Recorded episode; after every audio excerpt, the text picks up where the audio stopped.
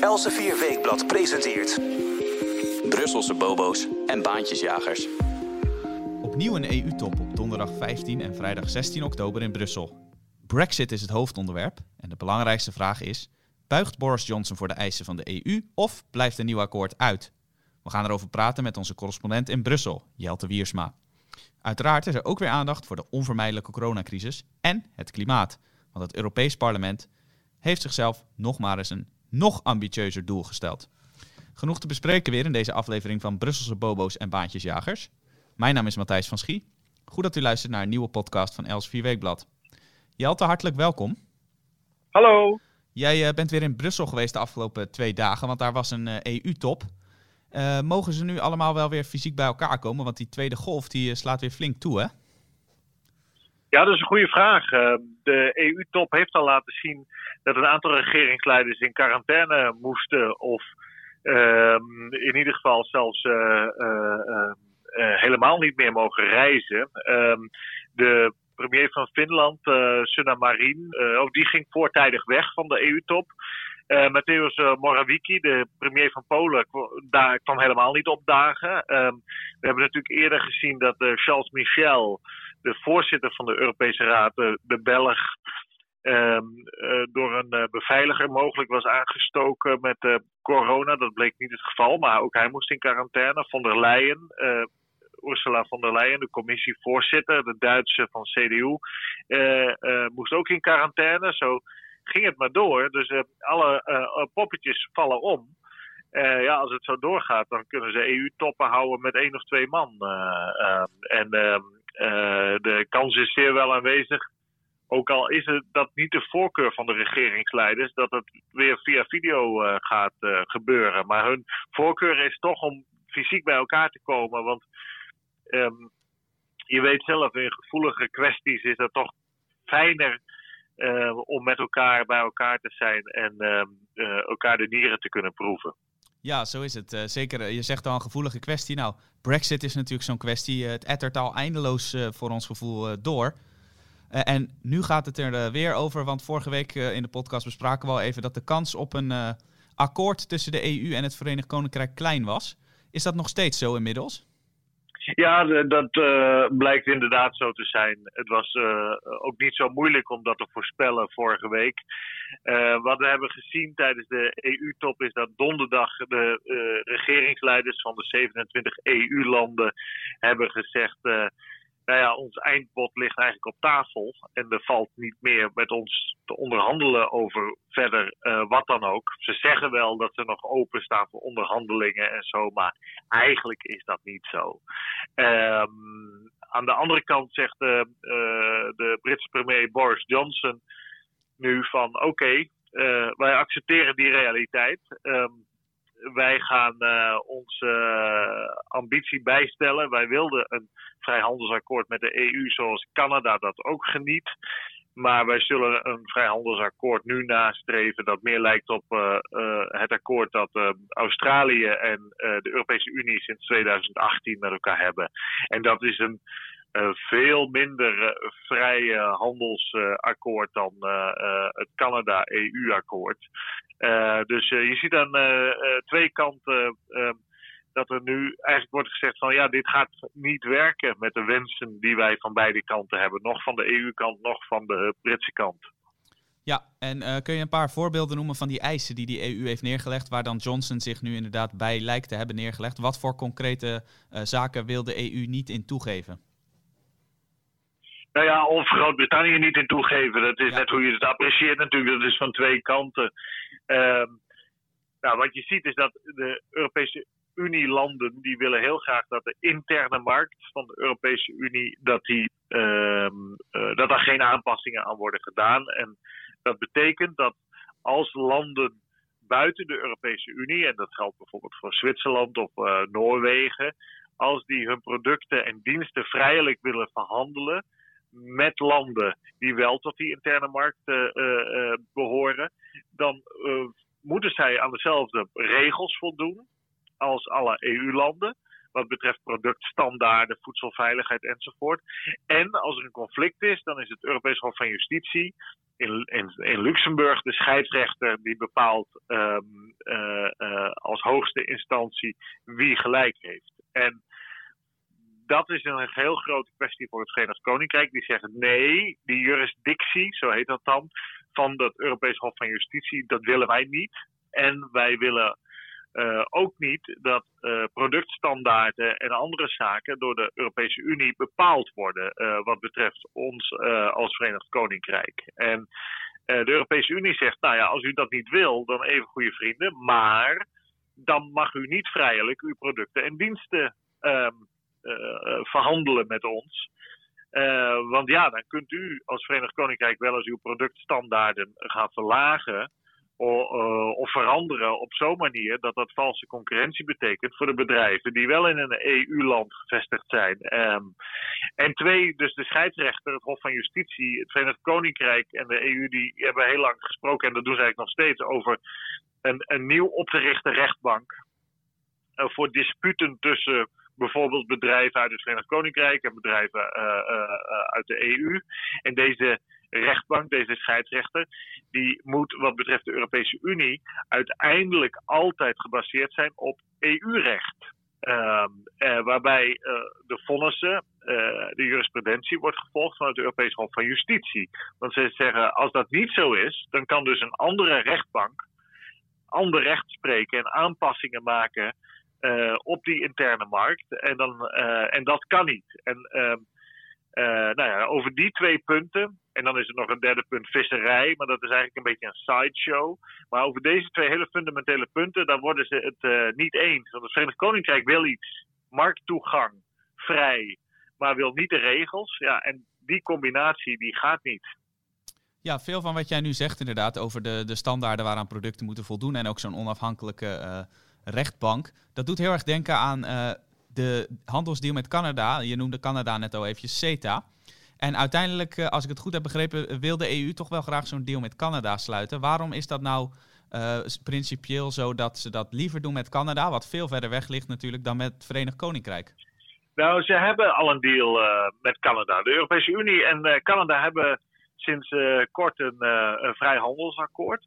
Maar dat heeft een andere vorm. Dat is niet een vrijhandelsakkoord waarbij uh, Canada volledig voldoet aan de EU-productstandaarden. E en maar andersom, de Europese Unie ook niet volledig voldoet aan de Canadese productstandaarden. Maar elkaars standaarden worden geaccepteerd uh, dus bilateraal zegt de Europese Unie: oké, jullie standaarden in Canada zijn hoog genoeg. En uh, jullie kunnen je producten en diensten dan bij ons uh, verkopen, vrijelijk. En Canada zegt: de EU-standaarden zijn hoog genoeg voor ons. En we kunnen dan vrijelijk die producten uit de EU halen. Maar ja, die handelsvolumes zijn natuurlijk relatief klein. gezien de geografische afstand Canada, Europese Unie.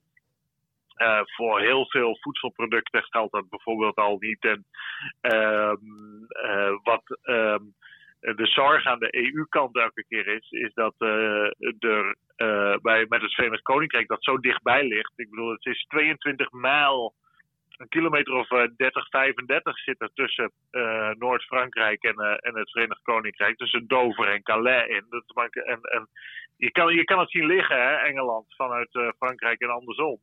Um, de vrees is dat er een enorme concurrent uh, voor de kust van de EU komt te liggen. Uh, die andere standaarden gaat hanteren die aantrekkelijker zijn. En, uh, en um, ja, wat toch ook wel meespeelt. Het Verenigd Koninkrijk wordt ook niet heel erg vertrouwd uh, aan de EU-kant. dat heeft te maken niet alleen met de figuur Boris Johnson, maar in bredere zin wel met de mensen om hem heen in in de regering. Uh, dat zijn over het algemeen Brexiteers en een aantal hebben um, ook wel echt serieuze twijfels of er überhaupt een deal moet worden gemaakt met de, met, de Europese Unie. En, en die mensen die zeggen ook elke keer van nou, als er een deal is, dan gaan we nog wel een beetje rotzooien ermee. En althans, daar flirten ze mee. Dus dat geeft ook nog wel een extra puntje daarbij van wantrouwen aan de EU-kant over de intenties van het Verenigd Koninkrijk. Ja, dat is interessant dat je dat zegt. Want uh, nou, dan dreigt, als ik het zo hoor, dreigt een zogenoemd no-deal scenario. En dat is natuurlijk in uh, veel Nederlandse, maar ook in buitenlandse media als een soort doemscenario voor het Verenigd Koninkrijk voorgesteld. Maar dat zien dus lang niet alle Britten uh, als net zo somber in als die media dat doen, hè? Nee, en ik ook niet hoor. Ik, ik heb het altijd een beetje gek gevonden. In het Engeland hebben ze het dan over een cliff edge, uh, um, alsof je van een helling stort. Uh, anderen die hebben het over een harde brexit of zo, of een no-deal brexit, of weet ik wat allemaal. dat is um, allemaal nogal apocalyptisch. Um, als inderdaad blijkt, gezien de, het resultaat van de EU-top en de uitspraak van de 27 regeringsleiders donderdag, dat dat er gewoon geen ruimte meer zit aan EU-kant om te onderhandelen. En het Verenigd Koninkrijk daaruit concludeert, nou dan moeten wij naar een Australië-model. Waar um, veel minder vrijhandel mee is. Uh, uh, daar zijn veel meer restricties. Dan, um, dan krijg je die situatie. En dan zullen er een heel aantal producten um, niet meer vrijelijk verhandeld kunnen worden. die kunnen wel gekocht worden en verkocht over en weer. Maar er zullen vaak eh, tarieven eh, op eh, zitten. Dat, dat gaat van voedsel, maar dat gaat ook van kleding en weet ik wat allemaal. Uh, machines, auto's. En daar zit dan 4% soms op, soms 12%. Het hangt van het, heel erg van het product af. Ehm, dat is grotendeels door de Wereldhandelsorganisatie WTO vastgesteld. Die Australië-EU-deal die heeft daar een aantal dingetjes uh, afgeschaafd van die eh, eh, WTO-regels. Dus die heeft een ietsje soepeler regime tussen Australië en de EU. Maar ook daar geldt de afstand maakt natuurlijk wel een groot verschil. En um, wat belangrijk is voor Australië, de landbouw, dat speelt daar een, kleine rol in. Want daar, dat is altijd een heel gevoelig dossier. Um, dus, uh, maar we, wij als Nederlanders kunnen nog perfect Britse producten blijven kopen. De Britten kunnen nog perfect onze producten blijven kopen. Maar er zal ongetwijfeld zullen de volumes uh, op een aantal gebieden uh, wat kleiner worden. Ehm, omdat het ja, duurder zal worden ten opzichte van andere concurrenten. Maar we moeten dat maar helemaal gaan zien hoe dat uitpakt. Uh, er zijn heel veel mensen die hebben kennelijk een glazen bol. En die weten precies hoe dat gaat gebeuren. Nou, die heb ik niet. En uh, je moet er heel nuchter en neutraal naar kijken, wat mij betreft. Uh, en maar kijken hoe dat uitpakt. Het is niet zo dat de Britten niet voor hetere vuren hebben gestaan in de recente, toch relatief recente geschiedenis. Dus ehm, die redden zich vast wel. Dat is waar. En uh, jij hebt ook al vaker een punt gemaakt in deze podcast en uh, tijdens onze redactievergaderingen. Dat misschien inderdaad uh, de, de importheffingen en de toenemende administratie die daarmee gepaard gaan, dat die op korte termijn wellicht vervelend zullen zijn voor zowel de Britten als de EU-landen. Maar op lange termijn, zeg jij, is het misschien juist wel heel goed dat ze er zonder vrijhandelsakkoord uitgaan, hè?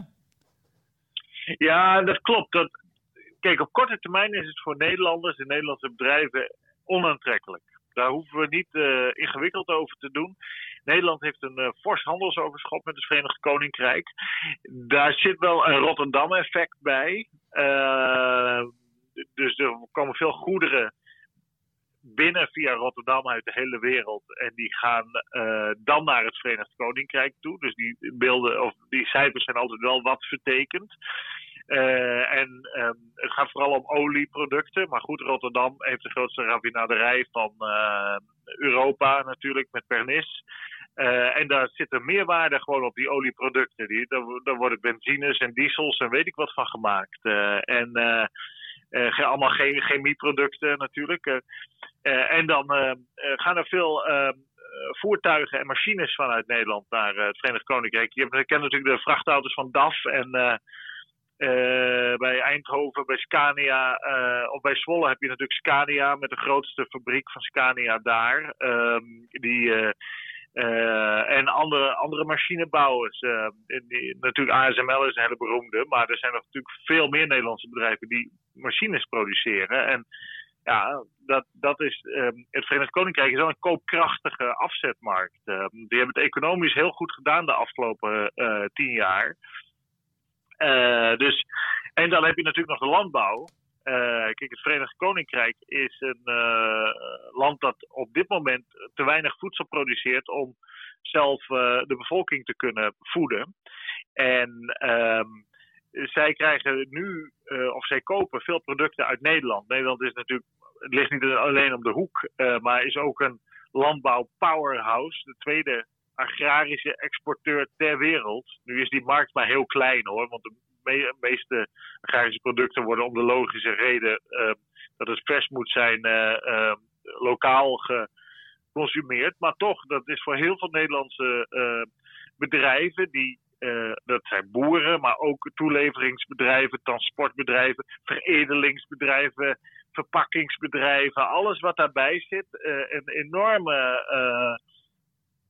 in een enorme markt. En ja, of de Brexiteers hebben altijd gezegd van ja, kijk, wij moeten nu eten halen uh, van het Europees continent tegen het eigenlijk te hoge prijzen. Want het Europees continent doet aan protectionisme voor haar boeren. Die hebben een hek om die EU heen gezet.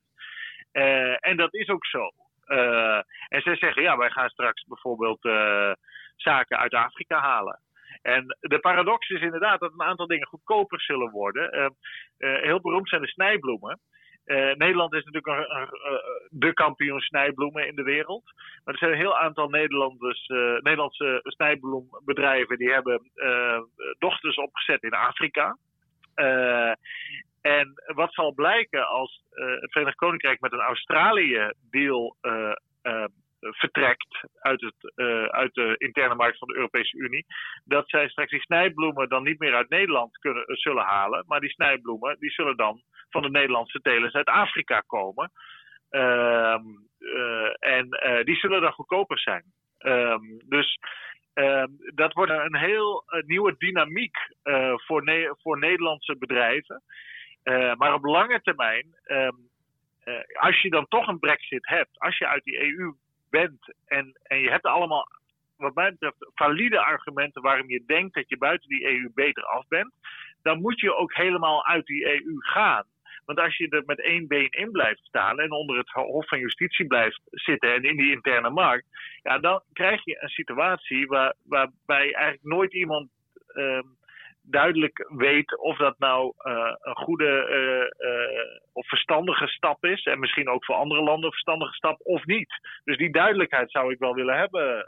en dat kan alleen bij een echte brexit, zo gezegd. Nou, dat maakt het inderdaad interessant om te gaan volgen. Want als die Britten er straks uit zijn en het blijkt een succes, dan, dan kunnen andere landen dat voorbeeld eventueel volgen. En zo niet, dan willen ze dat misschien niet. Dat kunnen wij de komende jaren allemaal gaan zien. En ja. nou, het, het Brexit-dossier heeft ons wel geleerd dat alles weer kan veranderen. Dus laten we inderdaad niet op de zaken vooruitlopen, maar het vooral gewoon in de gaten blijven houden. dat zult u natuurlijk de komende week in deze podcast weer van ons horen. Maar het was natuurlijk niet alleen Brexit wat de klok sloeg in Brussel bij die EU-toppen. Er zijn nog veel meer zaken. Corona, daar kunnen we natuurlijk niet omheen. En met, met betrekking tot corona wilde jij het graag even hebben over Duitsland. Want zoals u wellicht ook weet, Duitsland doet het in heel veel opzichten rond corona veel beter dan andere landen in Europa. Bijvoorbeeld het gemiddeld aantal doden. Maar ook op financieel gebied komt Duitsland eigenlijk veel beter uit deze coronacrisis dan veel anderen. Ja, dat wordt een grote, grote kwestie de komende jaren. Je moet je voorstellen, er is nu bijna 3000 miljard euro door de EU-landen uitgekeerd en aan steunpakketten aan ondernemers, ondernemingen gegeven. 3000 miljard, hè, dat is in de 27 EU-landen. En bijna 60% daarvan komt voor rekening van Duitsland.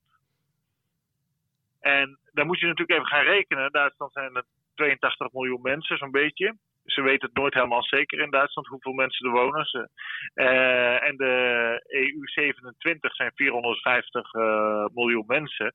Dus um, je hebt een relatief klein uh, clubje van 15% van de EU-markt. Die geeft 60% aan, de staatssteun uit.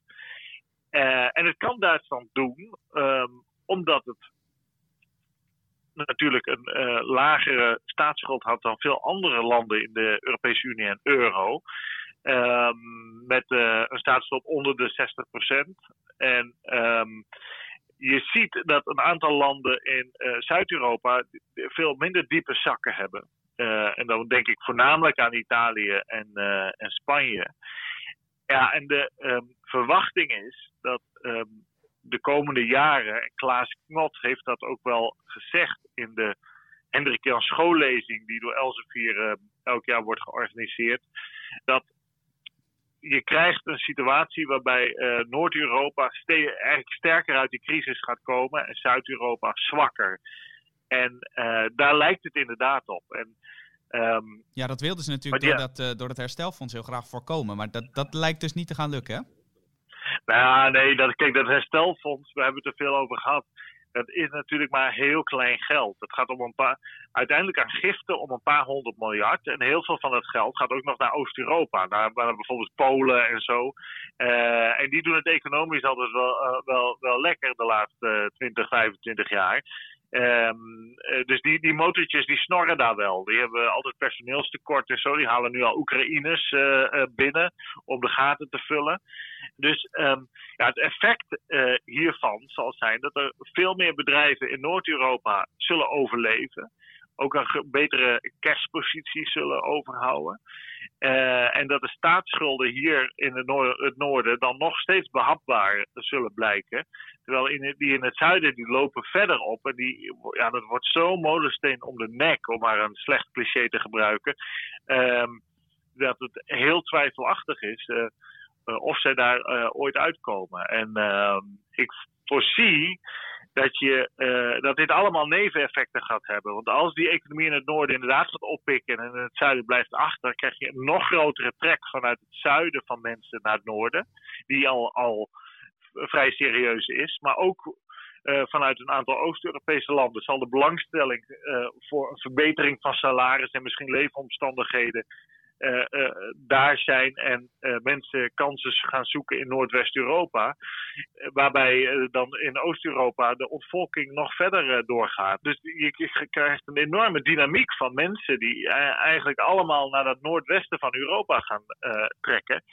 Ja, en je krijgt een, financiële situatie in het zuiden die, die op lange termijn niet houdbaar is. En ik denk dat het niet te voorkomen is dat er bij de Europese Centrale Bank, waar heel veel schulden van die staten staan, tot wel 30% en meer nu, uh, van de staatsschulden in het zuiden staat op de ECB-balans. Uh, dat er op een gegeven moment gewoon een streep doorheen gaat. Er wordt gezegd, ja, die, die schuld die is er wel, maar we zetten met een potlood zo'n mooie strepen doorheen en die schuld is weg. Maar ja, staatsschulden van 160, 170 procent, daar gaat Italië naartoe. Um, uh, en waarbij de beste mensen dan ook nog wegtrekken naar het noorden om, om daar beter betaalde uh, uh, banen te, te krijgen. dat wordt heel lastig hoor. Ja, jij haalde net al eventjes Klaas Knot aan inderdaad. In de HJ schoollezing zei hij begin september eigenlijk hetzelfde als wat jij nu zegt. Die verschillen gaan waarschijnlijk steeds groter worden tussen de landen die een staatsschuld redelijk op orde hebben en de landen die, die dat totaal niet hebben. Maar hij opperde dan als oplossing om de EU veel meer nog te laten integreren dan nu al het geval is. Maar jij bent daar volgens mij niet zo'n voorstander van, hè? Nee, want dan, wat, hij, wat hij wil, hij zegt ja dit is een onvermijdelijk proces. Um, uh, het lijkt mij inderdaad een onvermijdelijk proces, maar het is gewoon een wet van de economie. Uh, als landen zichzelf goed organiseren, als bedrijven zichzelf goed organiseren en producten en diensten leveren die uh, qua prijs-kwaliteit verhouding geapprecieerd worden door de consument, ja, dan krijgen die meer klanten, meer omzetten, meer groei en meer winst. Dat is nou één keer zo. Dat is de wet van de markt. Um, en, om de, en wat Knot eigenlijk voorstelt, is met allerlei overheidsmaatregelen op EU-niveau en vooral eurozone-niveau. ja, geld naar het zuiden te gaan pompen vanuit dat noorden. Maar de geschiedenis leert dat dat niet werkt. je gaat dan goed geld naar kwaad geld brengen. We kennen bij de Europese Unie de zogenaamde cohesiefondsen. Dat is een deel, een vrij serieus deel van het jaarlijkse EU-budget van zo'n 145 miljard per jaar. En dat, zou, uh, dat is eigenlijk geld vanuit rijkere landen dat in armere regio's wordt gestopt. En nou, dat loopt dus nu al decennia. Maar de realiteit is dat de, de, de verschillen tussen bijvoorbeeld delen van Bulgarije en, en, uh, en uh, Nederland, die worden alleen maar groter. dat, dat gaat niet. Je kan niet die economische logica tegengaan. Um, Sicilië uh, wordt vaak ook als voorbeeld genoemd. Sicilië heeft waanzinnig veel geld gekregen van uh, de Italiaanse staat.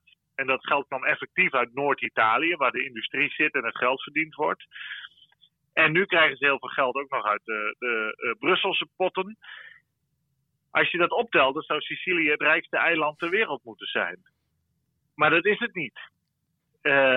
Dus um, als je geld er naartoe brengt, wat je krijgt, is dat dat geld wordt geconsumeerd. Uh, um, maar er wordt niet uh, een nieuw verdienmodel op poten gezet. En ja, daar kan je niet, niet tegen werken. Je kijk, kijk naar de Verenigde Staten van Amerika. Ik denk dat je die situatie in Europa ook meer en meer krijgt. waarbij je de twee kusten hebt, de west- en de oostkust, die heel dicht bevolkt zijn. En daartussenin um, Heartland America. Hè, dat wordt wel fly-over country genoemd. Daar vlieg je overheen, uh, want er is niks. Ja, dat, dat, dat uh, is een agrarische uh, wereld waar een aantal industrieën wel zitten, maar ja, dat hou je niet tegen dat dat uh, deels leegloopt. Ook door de mechanisatie in de landbouw en zo. Wat er zijn heel veel staten in Amerika die zijn, die zijn uh, bij wijze van spreken zo groot als uh, Spanje. En er wonen al 500.000 mensen. Nou, de, die situaties denk ik dat je in Europa ook gaat krijgen. Je krijgt dus meer concentratie van mensen. En dat is een automatisch gevolg van het openstellen van de grenzen, van Schengen, van de euro, de interne markt. Dus het is een gevolg van die Europese Unie dat dat gebeurt. En Um, er is altijd gezegd uh, uh, vanuit de EU, ja, we moeten een meer dynamische arbeidsmarkt krijgen, hè, dat mensen overal in Europa kunnen werken. Maar nou, dat is, die ambitie is op zich leuk, maar de realiteit is natuurlijk dat mensen vooral trekken naar de gebieden waar geld te verdienen valt. En dat, dat, is, een, dat is een strook die eigenlijk al eeuwen heel rijk is. Dat is de, de, de blauwe halve maan. Dat is door, ooit door een Franse hoogleraar met zijn uh, team uh, ontdekt. Dat je een blauwe halve maan hebt van Noord-Italië over Oostenrijk, Zwitserland, Zuid-Duitsland, het Roergebied. België, België, Nederland en dan Zuid-Engeland naar Wales. En dat is het economische powerhouse al, al, eeuwen. Dat komt ook elke keer weer terug, dat gebied. Dat, dat zakt wel eens wat af, maar dat, daar zitten grote economische motor in Europa. En uh, ja, dat trekt de mensen aan. En uh, dat, dat, hou je, dat hou je niet tegen als je het geld dat in het noorden wordt verdiend naar het zuiden uh, brengt. je, moet je, ook, je moet je er ook gewoon bij neerleggen dat dat zo is. Dat er, dat er dan gebieden gaan leeglopen. Je moet dan niet je moet niet water terug naar de, naar, naar de, uh, terug gaan duwen. Dat, dat verlies je altijd. Ja, en als dat nou zo is inderdaad, het, het klinkt heel plausibel dat dat nou eenmaal de realiteit is van uh, het systeem zoals de EU is opgebouwd. Maar stel nou dat landen inderdaad, met name de landen waar uh, de kansrijke bevolking vertrekt, als die dat nou niet willen, is dan de enige optie dat ze uit die EU stappen? Je bedoelt als ze eigenlijk niet willen verhuizen naar een ander gebied uh, nee, om betere weer, arbeidskansen? Als, als landen zeggen van hé, hey, wij willen dat niet dat burgers continu maar vertrekken naar dat rijke Noordwesten. Wat kunnen ze dan nog doen? ja, niks. Eh, behalve beter beleid uh, voeren. Het, uh, en dat is wel een. Kijk, dat is natuurlijk heel aardig. In die zin van de EU. de EU heeft tot veel meer vergelijking tussen landen gezorgd. Voorheen was je Spanjaard en dan werkte je, woonde je in Spanje je hele leven. Dat was over het algemeen hoe het leven van een gemiddelde Spanjaard eruit zag. Maar nu die Spanjaard die spreekt ook wat Engels of Frans of weet ik wat hij spreekt. En die, die heeft nu de gelegenheid om zich vrij te vestigen in een ander EU-land. En die denkt, nou, dat zijn wel leuke kansen voor mij. Ik ga daar eens een tijd studeren bijvoorbeeld. Of ik ga daar misschien eens een eigen bedrijf opzetten. Of het een of ander. En ja, het is een totale demasqué van de regeringen in Zuid-Europa. Dat hun eigen burgers met de voeten stemmen. En zeggen, ja, jullie uh, voeren uh, falend beleid. Of beleid dat in ieder geval niet aantrekkelijk genoeg is voor mij om te blijven. Um, uh, want ja, er is te veel bureaucratie, te ingewikkelde belastingen, te, te veel vergunningen moet ik hebben te veel staats, staatsbedrijven ook nog steeds toch. Monopolies, te veel vriendjespolitiek, uh, enzovoort, enzovoort. Corruptie, enzovoort, enzovoort. Dat ze zeggen, ja, uh, we zijn dol op ons land, maar uh, we gaan toch uh, ergens anders kijken wat beter is. En ja, in die, in die vergelijking wordt heel hard afgerekend met een aantal landen. Ehm, dat geldt ook voor Griekenland natuurlijk, ehm, Portugal in mindere mate. Uh, en um, ja, dat is heel pijnlijk natuurlijk voor de mensen die achterblijven in die landen. Maar uh, de enigen die dat kunnen veranderen zijn zij. Als, als zij hun stem laten gelden bij verkiezingen. Door op politici en partijen te stemmen die uh, een liberalere politiek voorstaan. En een zuiverder politiek. En een minder corrupte en cliëntelistische politiek. Dus het is alleen maar in de handen van die mensen. Maar voor de rest Nederlanders of Duitsers of, of, uh, wij kunnen daar niks uh, tegen doen. We kunnen er wel wat geld naartoe uh, sturen, maar um, dat is meer dan om ons als balsem voor onze eigen ziel, dan dat dat enige nut heeft om daar structureel verandering te brengen. Dat moet, die wil moet in die mensen zelf zitten. Nou, dat zeg je treffend, Jelte. De, de invloed van, van ons als als journalisten en onze politici is dus maar beperkt. Maar laten we inderdaad uh, hopen, ook voor de bewoners van, uh, van die landen zelf, dat ze de juiste keuzes gaan maken en op de juiste mensen gaan stemmen. Dat is iets en natuurlijk, want het is heel tragisch. Bij ons is er woningtekort in Nederland en er komen alleen maar meer mensen bij. De meeste immigranten komen uit landen zoals Polen, Bulgarije, Roemenië enzovoort. Uh, en die laten letterlijk verlaten dorpen achter. Dus er zijn huizen genoeg in Europa. Alleen ja, iedereen trekt naar een bepaald gebied. En er staan dus allemaal huizen leeg. En bij ons is het tekort. Ja. Uh, en er is natuurlijk ook de sociale pijn. Hè? Mensen die hun familie, hun jeugdvrienden moeten achterlaten. Dat moet je niet onderschatten. Die is bij heel veel van deze immigranten natuurlijk ook aanwezig. Uh, uh, dus zo, zo leuk is dat ook niet voor die mensen. Maar goed, dan moeten ze hun ouders eh, en grootouders eh, eh, aanwijzen als schuldigen. Want die hebben die ellende veroorzaakt, zoals we die in het zuiden vaak zien. Des te meer reden dus om ze op te roepen verstandig en zuinig beleid te gaan voeren daar. Laat ze ook eens uh, Elsevier Weekblad lezen of deze podcast luisteren. En wie weet komen ze dan tot juiste inzichten. we hebben het dus gehad over, over Brexit en over de coronacrisis, over de, de hele tragiek van de EU als geheel. Uh, en we moeten het ook nog eventjes hebben over een onderwerp dat eigenlijk uh, tot corona, tot vlak voor corona, uh, prioriteit nummer één was in Brussel, namelijk het klimaat. We hebben er een hele tijd weinig over gehoord, maar het Europese parlement liet onlangs van zich horen. Want ze willen dat de EU zich een nog veel hoger klimaatdoel stelt. Hè? Hoe, hoe denken ze dat voor elkaar te gaan krijgen? Want er, er is nu wel wat anders aan het hoofd van vele Brusselse bobo's. Ja, ik snap het ook niet. Eh, we, hadden de, we hebben de uh, warmste herfst, uh, of de warmste september geloof ik ooit gemeten. En ik moet zeggen, daar geniet ik volop van. En dat brengt de stookkosten ook enigszins naar beneden. aangezien de regering zulke bizarre belastingen op gas heft, ehm, is dat niet onaangenaam voor de portemonnee. Dus ehm, wat dat betreft begrijp ik ook niet helemaal hoe dat nou zit. Maar hoe het ook zij... Ehm, Nee, uh, ja, het doel van de Europese Unie, formeel vastgelegd, is in 2030 40% minder broeikasgasuitstoot in vergelijking met 1990. De Europese uh, Raad van Regeringsleiders die, uh, is daarover eh, aan het discussiëren om dat te verhogen naar 55% in 2030. Dat is over 10 jaar. Ehm, en het Europese parlement die wil naar 60 60% Nou, nu valt het Europees Parlement niet helemaal serieus te nemen in deze. Het Europees Parlement wil altijd scherpere eisen. Want ja, als ze het eens zijn met de Europese Commissie of de Europese Raad van Regeringsleiders, ja, dan zijn ze een tandeloze tijger. Hè? Dus ze moeten gevaarlijk zijn om hun macht, en die hebben ze formeel, om die ook um, te tonen. En ze willen elke keer laten zien, kijk, wij zijn er ook nog. Dus als de Raad van Regeringsleiders had gezegd van nou in 2030 gaan wij niet voor 55%, maar voor 60% of 65%. Dan had het parlement ongetwijfeld gezegd, nou wij gaan 70 zeggen. Dus het is een, een belachelijk politiek spelletje natuurlijk. Het is heel kinderachtig, maar zo werkt dat nou één keer.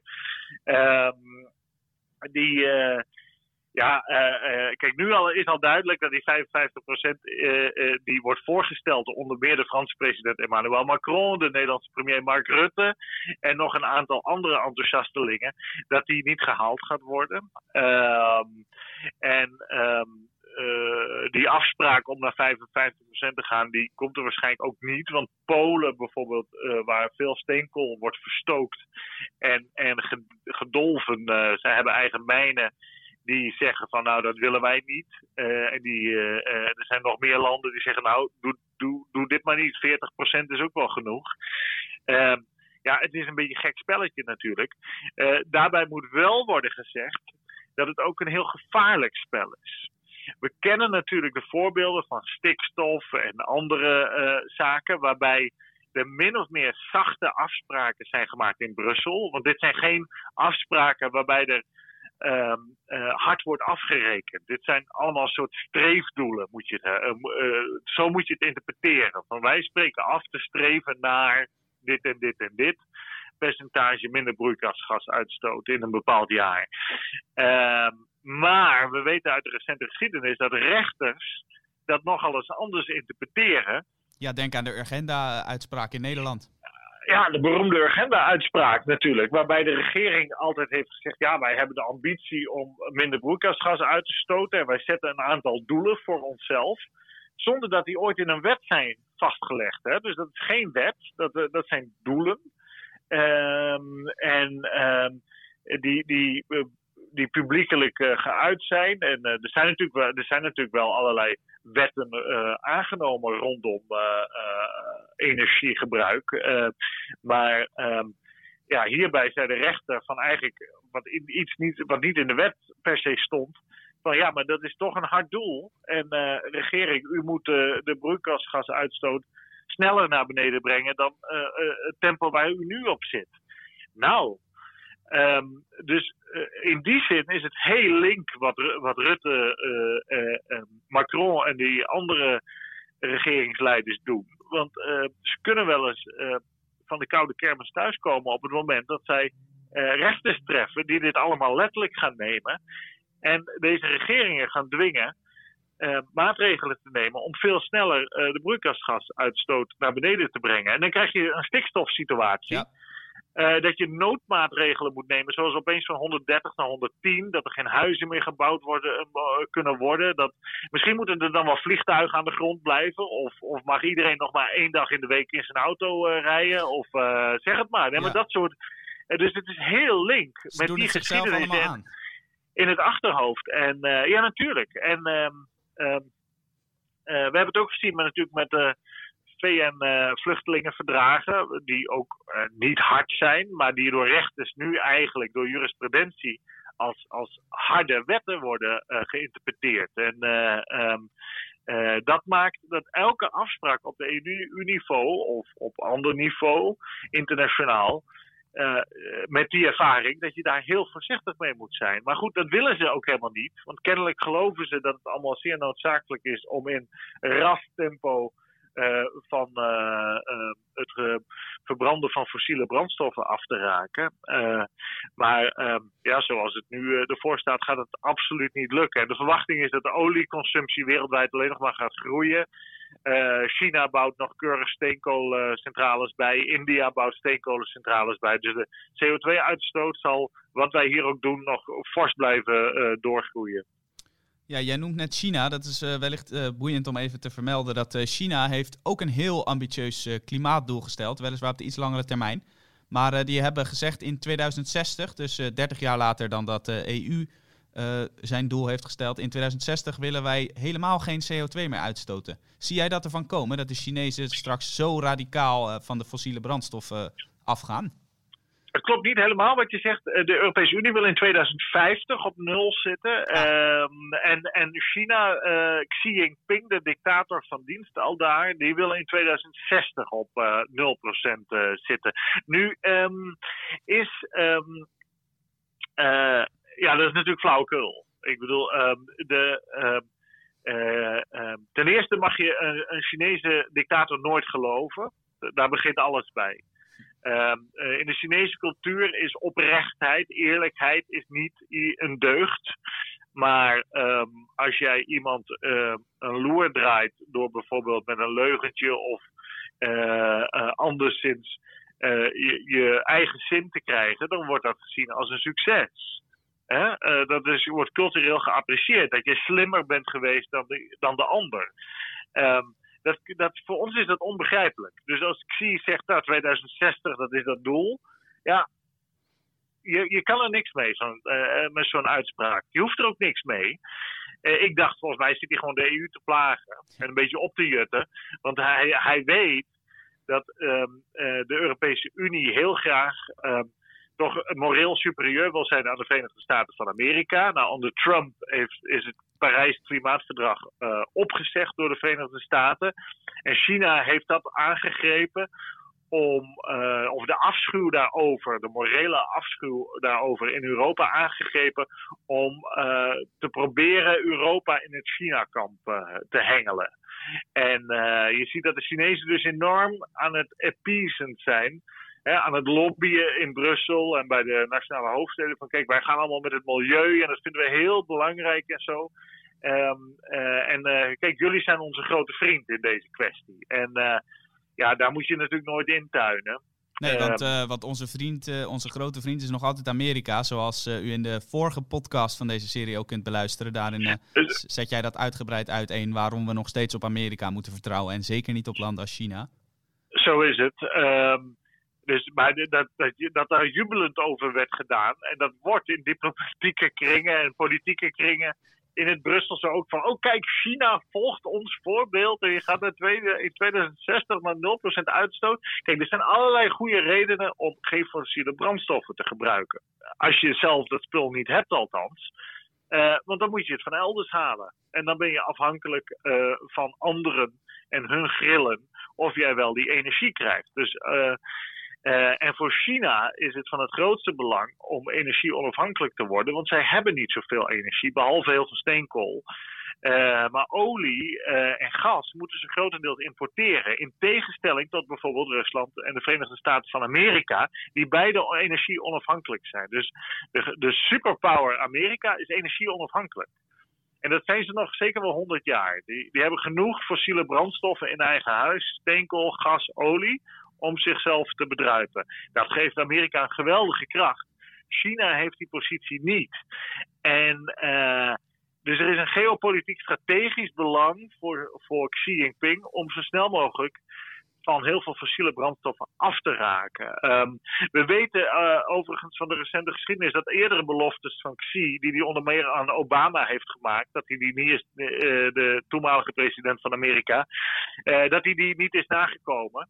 Want toen was er ook zoiets als de economische banken, dan wel eurocrisis. En ehm, toen heeft de, zijn Xi's regering Um, heeft uh, alle remmen weer losgegooid en, en is uh, gestopt met het sluiten van steenkolencentrales en smerige industrieën. Want alles, uh, alle ballen werden weer gefocust op economische groei.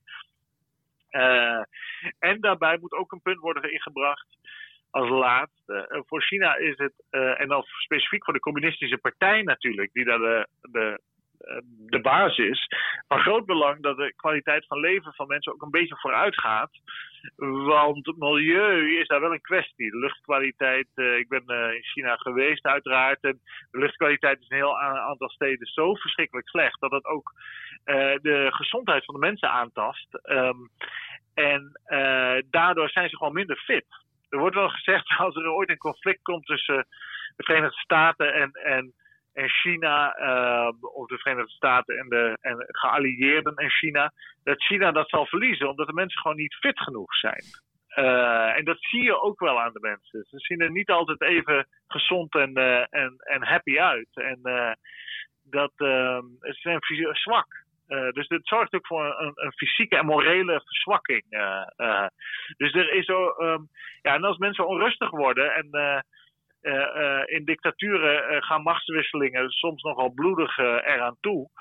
Dan kan het, ik zie, zo'n kop kosten. Dus letterlijk. Um, dus in die zin is het ook wel van belang om de mensen een betere kwaliteit van leven te bieden. Uh, uh, om te voorkomen dat je ooit oproer zal krijgen. Want er zijn, dat weten veel mensen niet, er wordt weinig over gerapporteerd, ook omdat het lastig is. Maar er zijn heel veel oproertjes, opstanden altijd binnen China.